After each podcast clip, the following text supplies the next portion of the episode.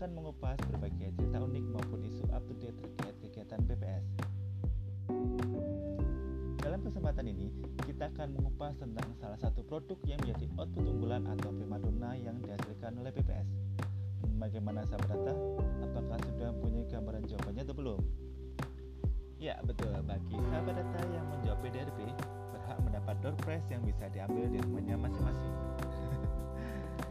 yang menjadi pertanyaan, kok bisa PDRB menjadi primadona? Salah satu alasannya karena dari PDRB ini akan dihasilkan beberapa indikator yang dinanti-nanti oleh semua pihak, baik itu pemerintah, akademisi, peneliti maupun yang lainnya. Apakah itu? Salah satunya yaitu tentang pertumbuhan ekonomi. PDRB akan menghasilkan salah satu indikator makro yang sangat strategis dan. Menghasilkan angka PDRB merupakan hal yang menarik karena memiliki tantangan tersendiri, terutama untuk ketersediaan data dan fenomena pendukungnya. Hmm, langsung dimulai aja ya.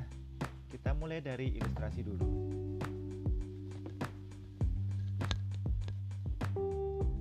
Sebuah negara ataupun daerah pasti memiliki pendapatannya sendiri.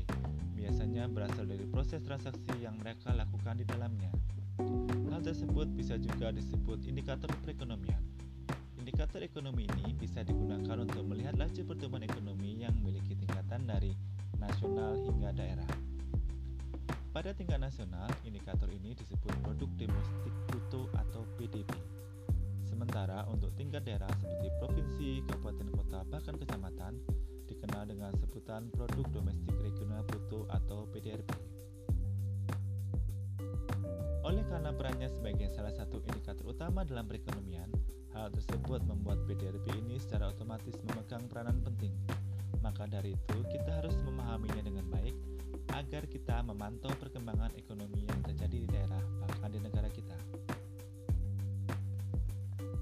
Transaksi ekonomi yang akan dihitung merupakan transaksi yang terjadi di wilayah domestik suatu daerah tanpa memperhatikan apakah dilakukan oleh masyarakat dari daerah tersebut atau dari masyarakat lain.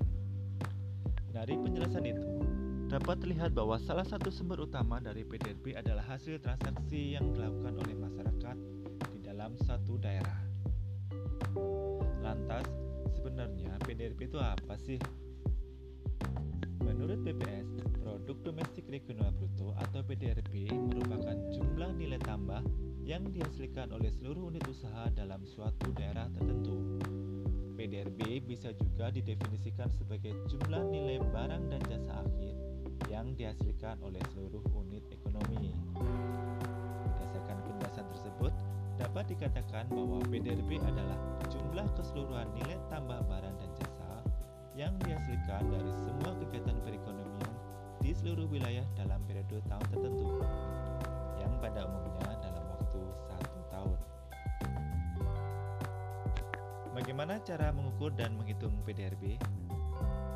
Terdapat dua cara pengukuran PDRB. Pertama, berdasarkan harga berlaku. Barang dan jasa dihitung menggunakan harga yang berlaku pada tahun berjalan. PDRB yang dihasilkan disebut PDRB nominal. PDRB atas dasar harga berlaku digunakan untuk mengetahui struktur ekonomi suatu daerah. Yang kedua, harga konstan.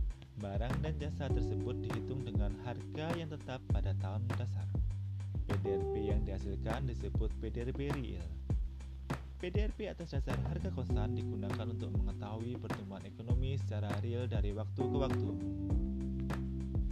Terdapat tiga metode penghitungan PDRB.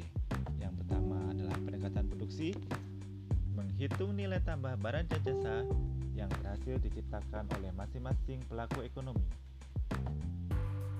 Kedua, pendekatan pendapatan, menghitung semua balas jasa yang diperoleh oleh masing-masing faktor produksi, yaitu berupa upah, gaji, surplus usaha, serta ditambah dengan unsur pensusutan dan pajak tidak langsung neto. Yang ketiga, pendekatan pengeluaran, bertitik tolak pada penggunaan akhir barang dan jasa yang mencakup di suatu wilayah. Pendekatan produksi biasa dikenal juga dengan PDRB menurut lapangan usaha. Berdasarkan tahun dasar 2010, terdapat 17 kategori atau lapangan usaha, yaitu dimulai dari pertanian, kehutanan, dan perikanan, pertambangan dan penggalian, industri pengolahan, pengadaan listrik dan gas, pengadaan air, konstruksi, perdagangan besar dan eceran, reparasi dan perawatan mobil dan sepeda motor, transportasi dan pergudangan, penyediaan akomodasi dan makan minum, informasi dan komunikasi, jasa keuangan, real estate, jasa perusahaan, administrasi pemerintahan, pertahanan dan jaminan sosial wajib, jasa pendidikan, jasa kesehatan dan kegiatan sosial, serta jasa lainnya. Sedangkan pada pendekatan pengeluaran, biasa disebut juga dengan PDRB menurut pengeluaran. Terdapat enam komponen dalam PDRB menurut pengeluaran, yaitu konsumsi rumah tangga, konsumsi lembaga non-profit yang melayani rumah tangga, konsumsi pemerintah, pembentukan modal tak bruto, perubahan inventory, dan ekspor impor.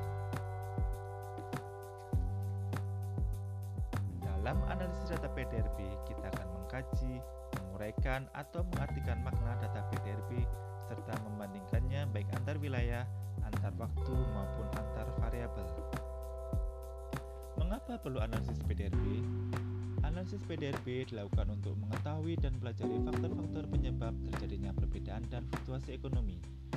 Selain itu juga dilakukan analisis agregat makro lain yang diturunkan dari PDRB. Hasil analisis dapat dijadikan masukan bagi pemerintah daerah dalam menetapkan kebijakan pembangunan ekonomi. Kemudian, apakah manfaat dari data PDRB?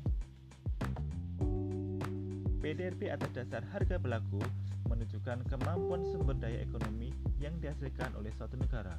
Nilai PDRB yang besar akan menunjukkan kemampuan sumber daya ekonomi yang besar. Begitu juga sebaliknya. PDRB atas dasar harga konstan dapat digunakan untuk menunjukkan laju pertumbuhan ekonomi secara keseluruhan atau setiap kategori subkategori dari tahun ke tahun atau dari triwulan ke triwulan.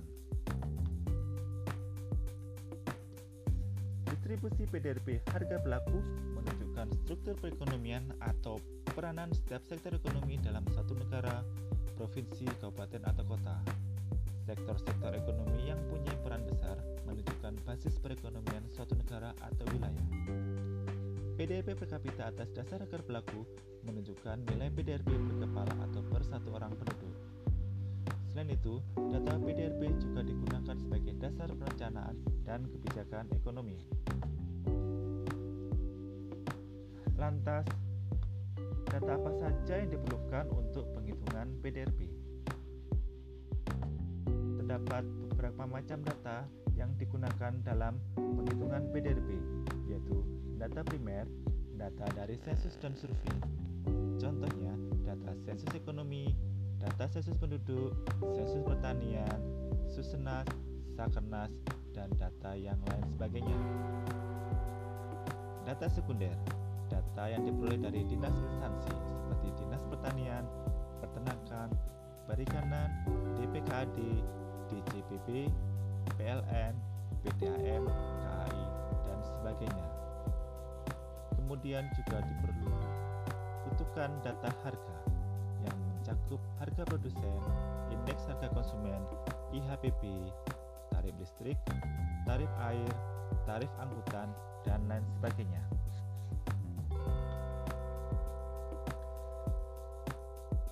Nah, sahabat data, demikian podcast kicau kenari kita kali ini.